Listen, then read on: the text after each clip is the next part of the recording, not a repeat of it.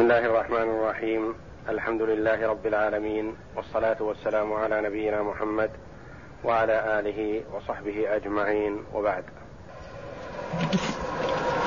اعوذ بالله من الشيطان الرجيم هو الذي يريكم البرق خوفا وطمعا وينشئ السحاب الثقال ويسبح الرعد بحمده والملائكه من خيفته ويرسل الصواعق فيصيب بها من يشاء وهم يجادلون في الله وهو شديد المحال. بين جل وعلا في الآيات السابقة شيئا من كمال قدرته جل وعلا. وإحاطته بخلقه وتصرفهم وتصرفه فيهم كيفما شاء وأراد. وبين جل وعلا في هذه الآيات شيئا مما يخوف به عباده.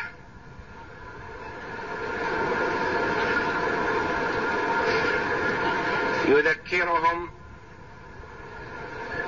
بشيء يفرحون به أحيانا ويساءون به أحيانا. فإذا لطف الله جل وعلا بهم انتفعوا به نفعا عظيما. وإذا أراد الله جل وعلا الانتقام منهم به صار وسيلة تعذيب. وذكرهم بشيء يشاهدونه ويحسونه. لعلهم أن يرجعوا إلى ربهم. فقال جل وعلا هو الذي يريكم البرق خوفا وطمعا.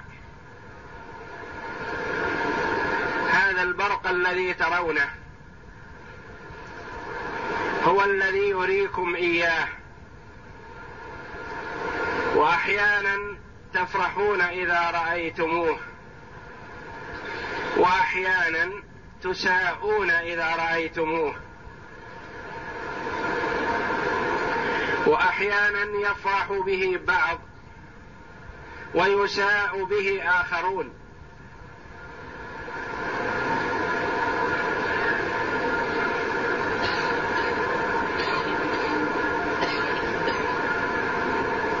يفرح بالبرق لأنه علامة نزول المطر فيفرح به الكثير. لكن المسافر ومن كان في العرى إذا رأى البرق خاف أن يصاب بأذى. أحيانا يرى البرق في أوقات الجذاذ وأوقات الحصاد. وأوقات تكون الثمار في البيدر. فيساء الناس بذلك ولا يريدون المطر لأنه يفسد عليهم ثمارهم.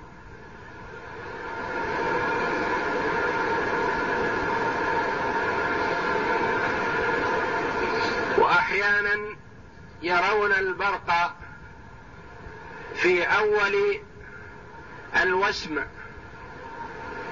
فيسرون به سرورا عظيما لأنه ينفع الأرض وتعطي مما استودع الله جل وعلا في باطنها.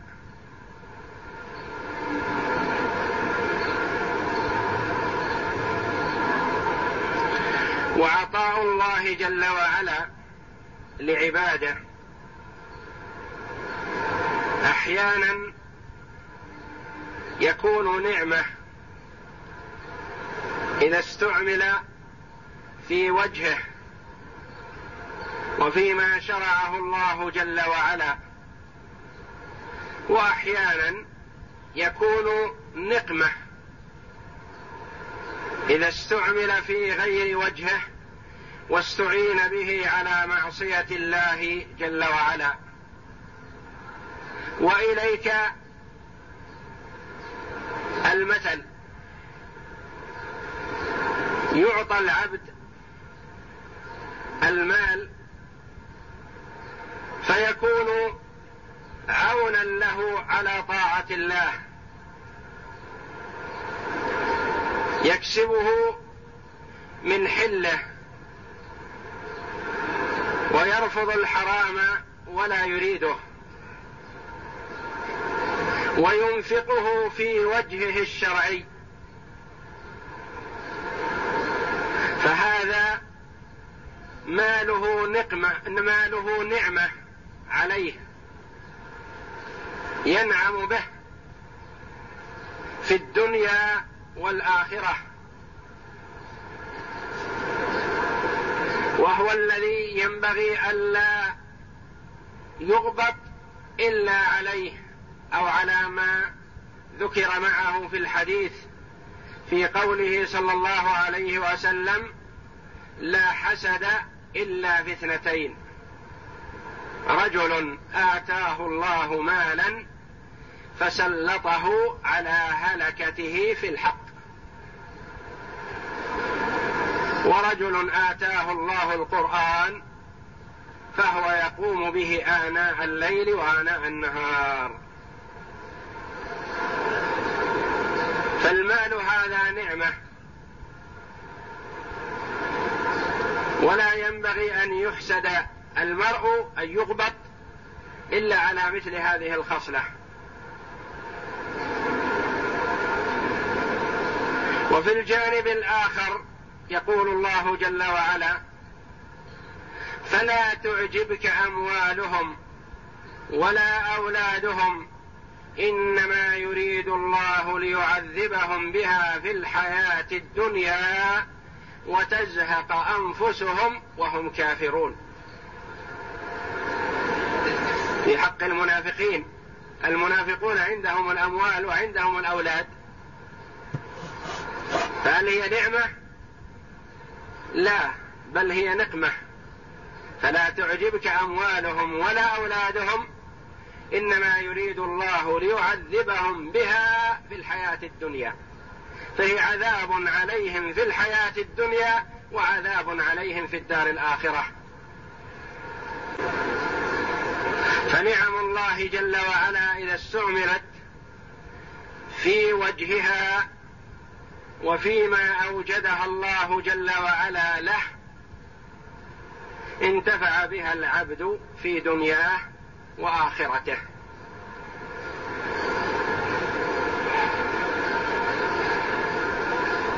وإذا لم تستعمل في وجهها ضرت العبد في الدنيا والآخرة. هو الذي يرس هو الذي يريكم البرق خوفا وطمعا. وينشئ السحاب الثقال. السحاب ما يحمل الماء في الجو في الهواء. وتكون ثقيلة إذا كانت محملة بالمياه. وتكون خفيفة إذا لم يكن فيها ماء. ينشئ السحاب الثقال. والماء إذا نزل على الأرض نفع. وأحيانا يكون وسيلة عقاب للناس. فقد أغرق الله جل وعلا قوم نوح بما أرسل عليهم من الماء. وينشئ السحاب الثقال ويسبح الرعد بحمده. يسبح الرعد. الرعد هو الصوت الذي يكون في السحاب. أو هو اسم للملك الذي يسوق السحاب بأمر الله. اسمه الرعد. ويسبح الرعد بحمده. فالصوت الذي نسمعه في الرعد تسبيح لله جل وعلا. وتنزيه له. عما لا يليق بجلاله وعظمته.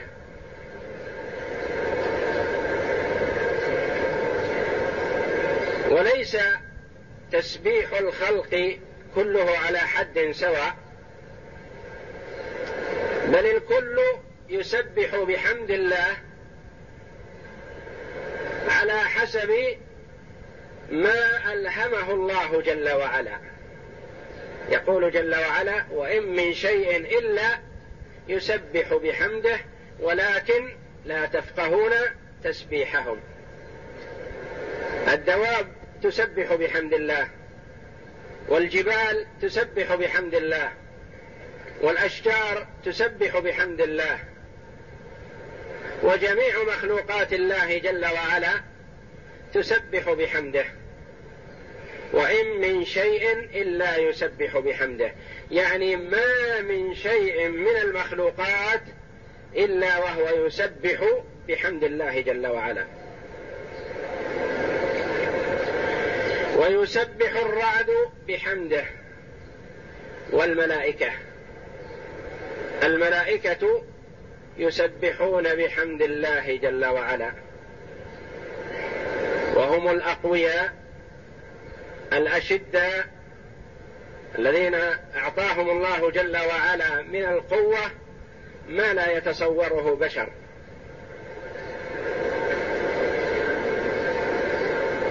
فجبريل عليه الصلاة والسلام اقتلع قرى قوم لوط وهي سبع بطرف جناحه.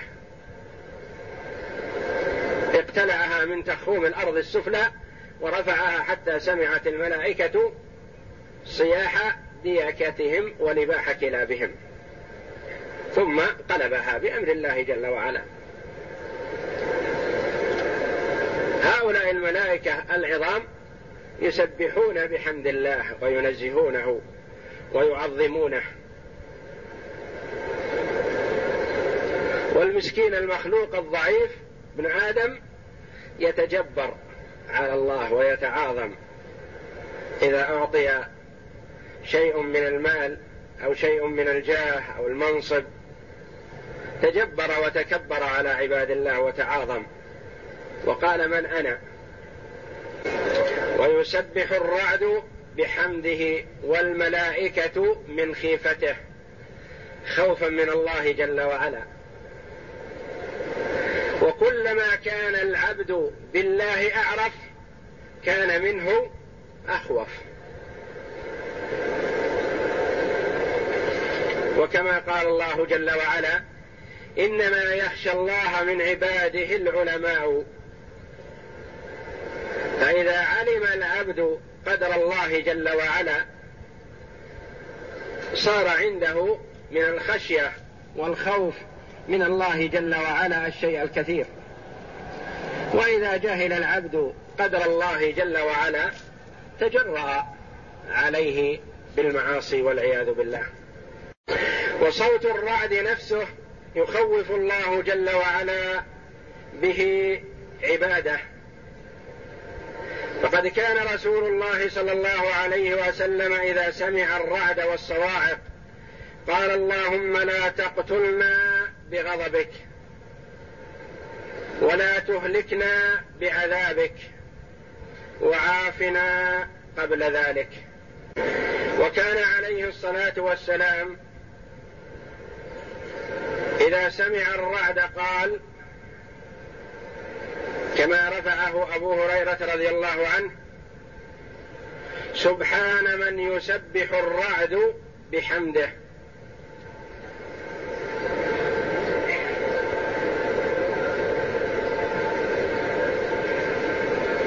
ويستحب التسبيح إذا سمع العبد صوت الرعد أو رأى البرق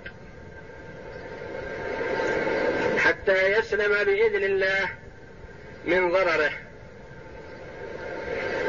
فإذا سبح العبد حينما يسمع أو يرى سلم بإذن الله من الصواعق.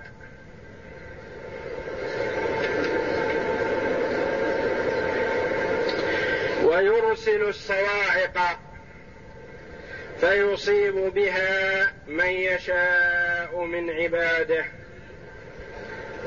ويرسل الصواعق فيصيب بها من يشاء وهم يجادلون في الله وهو شديد المحال. ويرسل الصواعق يرسلها جل وعلا على من أراد انتقاما منه فيصيب بها من أش من يشاء. تنزل الصاعقة والإثنان يتحدثان فتصيب واحدا ويسلم الآخر بإذن الله. وقد يرسلها على الأمة على جماعة على الكثير من الناس فتهلكهم. وقد تهلك واحدا فقط بإذنه جل وعلا.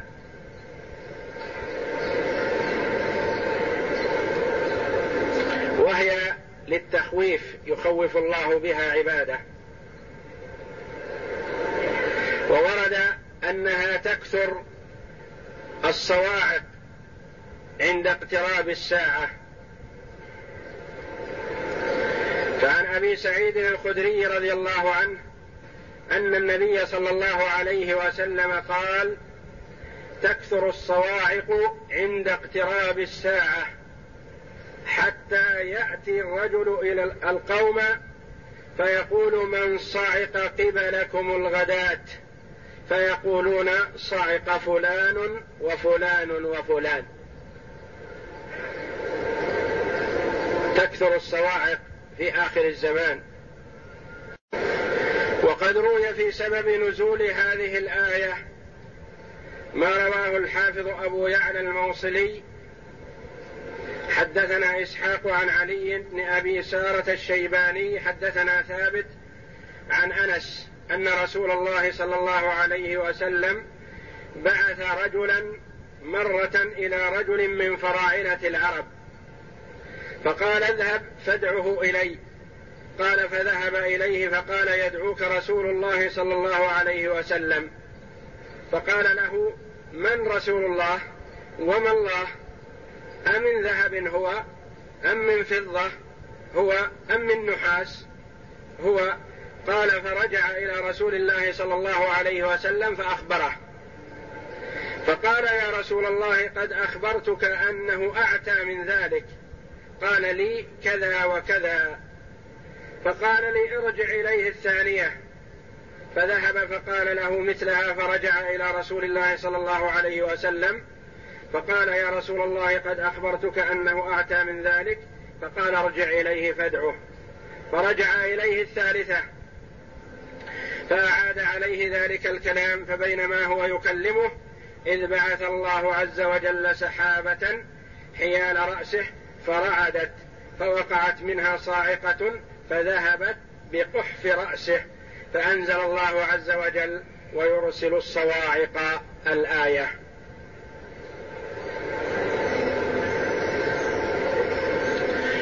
وذكروا في سبب نزولها أيضا قصة عامر بن الطفيل وأربد بن ربيعة لما قدم على رسول الله صلى الله عليه وسلم المدينة فسألاه أن يجعل لهما نصف الأمر. قال نؤمن بك وتجعل لنا نصف الأمر معك. أنت على أهل الحاضرة ونحن على أهل البادية. فأبى عليهما رسول الله صلى الله عليه وسلم. فقال له يكون لنا الأمر من بعدك. أنت تكون ولي الأمر وبعد موتك يكون لنا الأمر. فابى عليهما رسول الله صلى الله عليه وسلم فقال له عامر بن الطفيل لعنه الله أما والله لأملأنها عليك خيلا جردا ورجالا مردا. يعني إذا لم تعطنا شيئا من الأمر لأملأن عليك المدينة الرسول صلى الله عليه وسلم في المدينة خيلا جرد ورجالا مرد يعني شباب. فقال له رسول الله صلى الله عليه وسلم يأبى الله عليك ذلك وأبناء قيلة. يعني رسول الله صلى الله عليه وسلم الأنصار رضي الله عنهم. ثم ثم إنهما هما بالفتك برسول الله صلى الله عليه وسلم. فجعل أحدهما يخاطبه والآخر يستل سيفه ليقتله من ورائه. اتفقا فيما بينهما. قال أحدهما أنا أريد اخاطب النبي اخاطب محمد وأشغله عنك وانت كن من ورائه وسل سيفك واقتله. وإذا قتلناه طلبوا منا الدية ونعطيهم الديات. فأخذ أحدهما يخاطب النبي صلى الله عليه وسلم ليشغله والآخر يستل سيفه. فيبست يده على سيفه. وجعل يشير على إلى صاحبه الذي يخاطب يقول أبطأت علي. نجزه. فإذا بيده يابسة على السيف بإذن الله حمى الله جل وعلا رسوله صلى الله عليه وسلم وعصمه. يقول فخرج من المدينة فانطلقا في أحياء العرب يجمعان الناس لحربه عليه الصلاة والسلام. فأرسل الله على إربد سحابة فيها صاعقة فأحرقته. هذا الذي أراد قتل النبي صلى الله عليه وسلم ويبست يده على السيف. وأما عامر بن الطفيل فأرسل الله عليه الطاعون فخرجت فيه غدة عظيمة فجعل يقول يا آل عامر غدة كغدة البكر وموت في بيت سلولية. حتى مات لعنهم الله. مات عامر بن الطفيل وهو على فرسه. لما أحس بدنو أجله خاف أن يأتيه الموت وهو في بيت عجوز يهودية. فيتشمت به الناس. فركب فرسه هاربا فأصابه الموت وهو على فرسه لعنة الله عليه. وأنزل الله جل وعلا ويرسل الصواعق فيصيب بها من يشاء وهم يجادلون في الله. وهو شديد المحال. هو جل وعلا قوي شديد أخذه. وقوله جل وعلا وهو شديد المحال يقول ابن كثير رحمه الله وهذه الآية شبيهة بقوله تعالى ومكروا مكرا ومكرنا مكرا وهم لا يشعرون فانظر كيف كان عاقبة مكرهم أنا دمرناهم وقومهم أجمعين. يقول علي رضي الله عنه وهو شديد المحال أي شديد الأخذ وقال مجاهد رحمه الله شديد المحال شديد القوة أي قوي جل وعلا لا يغالب.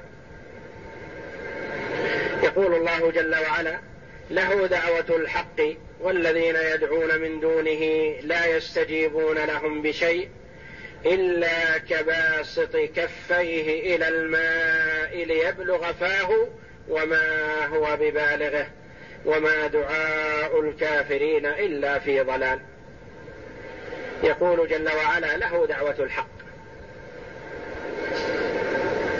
دعوته وسؤاله والتضرع إليه هو الحق. ودعاء من دونه باطل.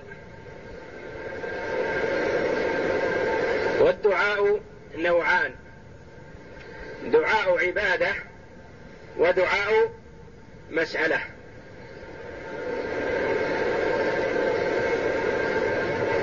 ودعاء العبادة أفضل من دعاء المسألة. وكلاهما حق لله جل وعلا. دعاء العبادة الذكر والثناء على الله جل وعلا. سبحان الله والحمد لله ولا إله إلا الله والله أكبر ولا حول ولا قوة إلا بالله العلي العظيم. لا إله إلا الله وحده لا شريك له له الملك وله الحمد يحيي ويميت وهو على كل شيء قدير. سبحان الله وبحمده سبحان الله العظيم. هذا دعاء العبادة. ودعاء المسألة سؤال العبد لربه جل وعلا. اللهم اغفر لي وارحمني واهدني وارزقني. اللهم أجرني من النار. ويسأل الله جل وعلا ما أحب من خيري الدنيا والآخرة. كلاهما يسمى دعاء والأول أفضل. فدعاء العبادة أفضل من دعاء المسألة.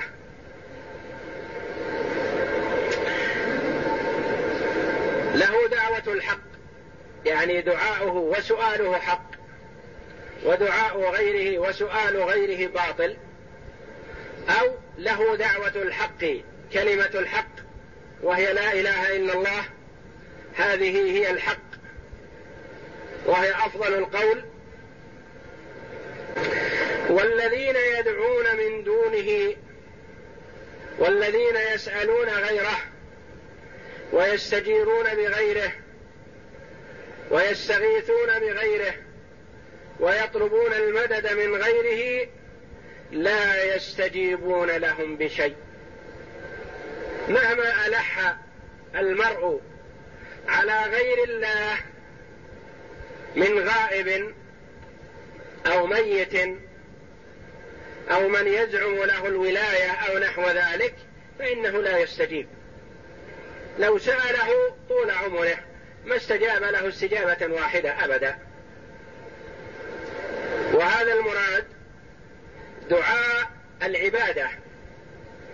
أما أن تسأل شخصا يعينك على أمر من الأمور وهو قادر عليه فلا يدخل في هذا. المؤمن يستعين بإخوانه. وإنما الذي يدخل في هذا دعاء العبادة ودعاء المسألة في شيء لا يقدر عليه إلا الله. يقول الله جل وعلا والذين يدعون من دونه لا يستجيبون لهم بشيء. معبودوهم لا يستجيبون لهم بشيء أبدا. لأنه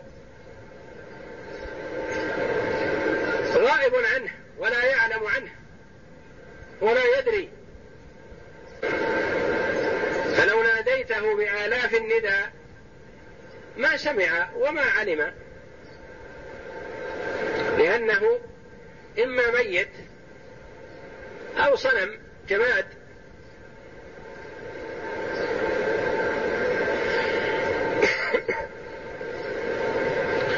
أو عبد صالح ميت في روضة من رياض الجنة مشغول عنك ولا يعلم عنك. فاجر شقي في حفرة من حفر النار. لا يدري عنك. ثم مثل جل وعلا بتمثيل محسوس يبين مدى بعد استجابة المدعو من دون الله. لا يستجيبون لهم بشيء إلا كباسط كفيه إلى الماء ليبلغ فاه وما هو ببالغه. شخص إلا أنه لا يطوله بيده. فمد يده في البئر يطلب الماء. وينادي بأعلى صوته أنا في حاجة ماسة إلى الماء. أريد الشرب. أريد الحياة. إن تأخر عني الماء هلكت. وهو واضع يده على حافة البئر يطلب الماء. هل يأتيه الماء إذا سمع النداء والضجيج والصراخ والتضرع يرتفع الماء إليه ويسقيه؟ لا والله.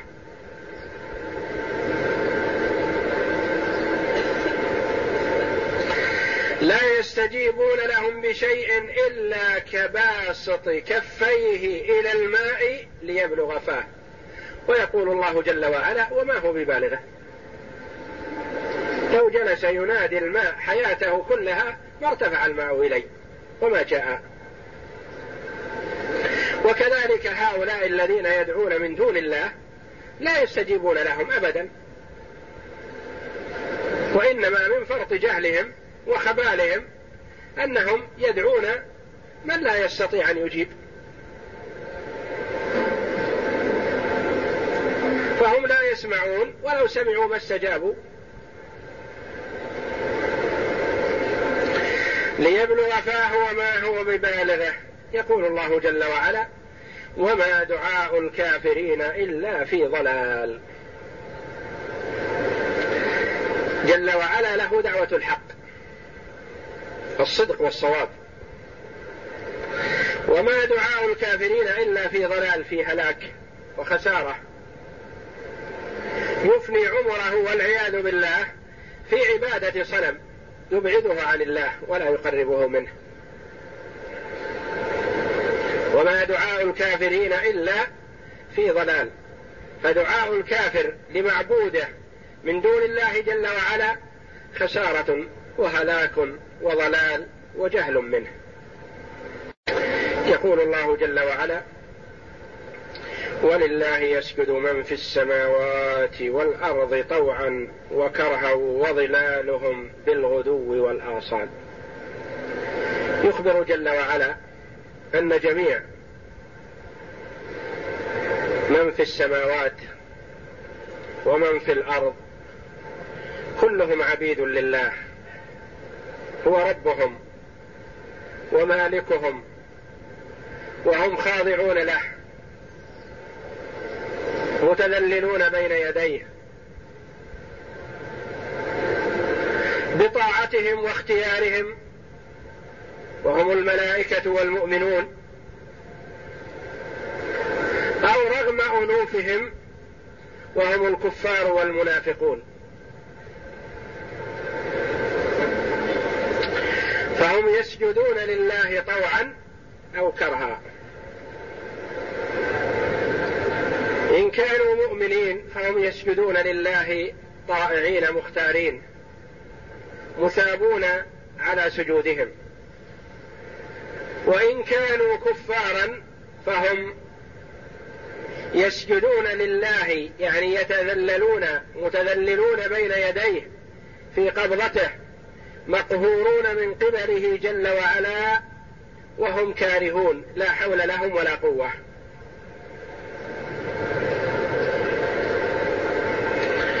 وظلالهم ظلهم يسجد لله.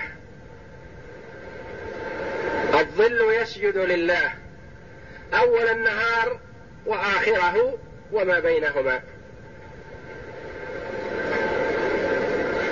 فالكافر يمتنع عن السجود الحسي وظله يسجد لله.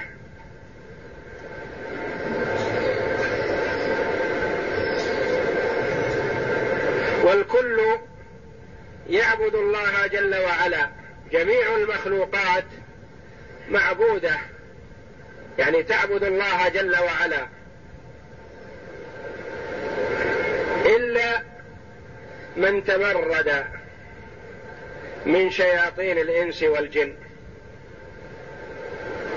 وهؤلاء مقهورون مغلوبون خاضعون لله جل وعلا رغم أنوفهم.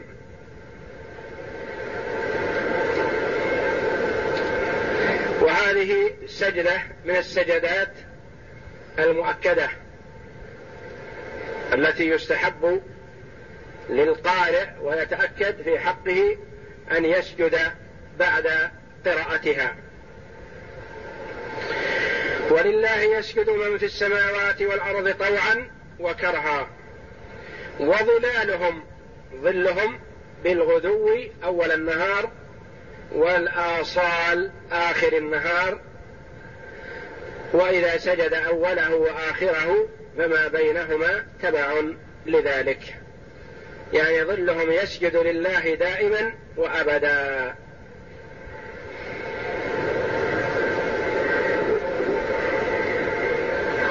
يقول الله جل وعلا قل من رب السماوات والأرض؟ قل الله. قل أفاتخذتم من دونه أولياء لا يملكون لأنفسهم نفعا ولا ضرا. قل هل يستوي الأعمى والبصير أم هل تستوي الظلمات والنور؟ أم جعلوا لله شركاء خلقوا كخلقه فتشابه الخلق عليهم قل الله خالق كل شيء وهو الواحد القهار. يقول الله جل وعلا لعبده ورسوله محمد صلى الله عليه وسلم قل يا محمد لهؤلاء الذين يعبدون غير الله قل من رب السماوات والأرض؟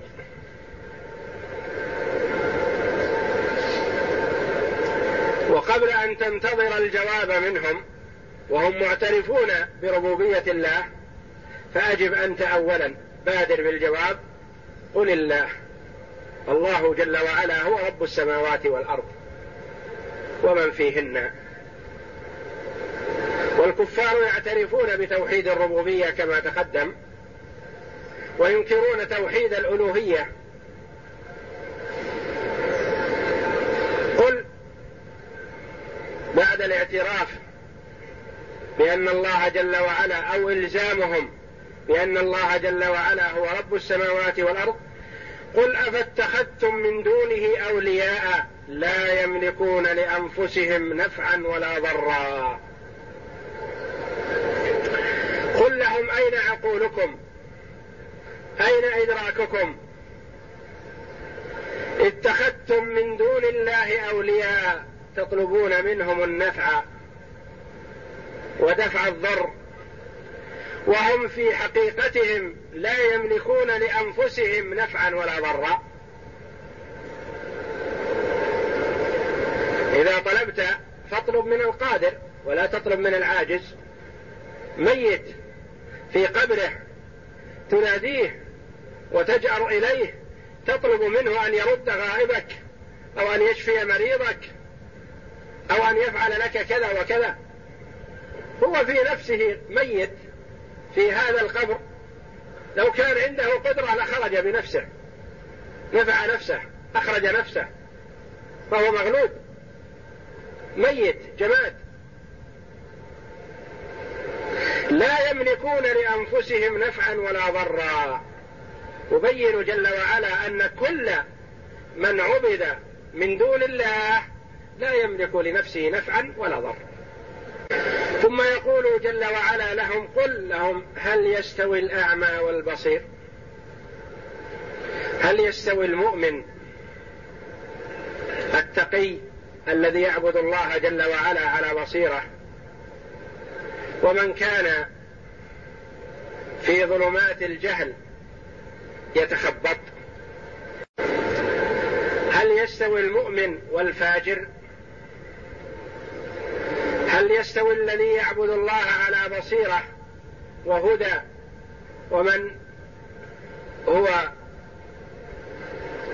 كافر بالله يعبد غير الله لا يستطيع نفعه ولا يستطيع كشف ضره؟ أم هل تستوي الظلمات والنور الجهل والضلال؟ هل يستوي مع العلم والإيمان والبصيرة؟ لا يستويان. أم جعلوا لله شركاء خلقوا كخلقه؟ أم هم حينما عبدوا هؤلاء الآلهة رأوا أنها خلقت كخلق الله فتشابه الخلق عليهم؟ الله خلق السماوات السبع. هذه المعبودات من دون الله هل خلقت سماوات؟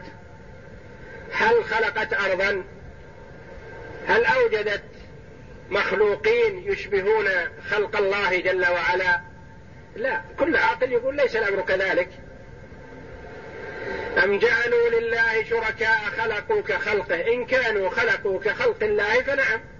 يستحقون شيئا من العبادة على قدر خلقهم وقدرتهم ولكن ليس الأمر كذلك. أم جعلوا لله شركاء خلقوا كخلقه فتشابه الخلق عليهم؟ قالوا هذا خلق الله وهذا خلق غيره فنحن نعبد غير الله كما نعبد الله. نعبد من خلق هذا ومن خلق هذا. ليس الأمر كذلك. قل الله خالق كل شيء. ما دام أنه جل وعلا وحده هو الخالق لكل شيء فهو المستحق للعبادة وحده. وهو الواحد القهار. هو الذي قهر الخلائق جل وعلا. وحده. وليس لغيره شيء من الأمر بل الأمر كله له والقضاء كله له والتدبير كله له. اذا فهو المستحق للعبادة. وهذه الأدلة يسوقها جل وعلا لعباده براهين على أنه وحده جل وعلا هو المستحق للعبادة وأن صرف شيء من أنواع العبادة لغيره جهل وضلال وسفه وهلاك في الدنيا والآخرة. والله أعلم. وصلى الله وسلم وبارك على عبده ورسول نبينا محمد وعلى آله وصحبه أجمعين.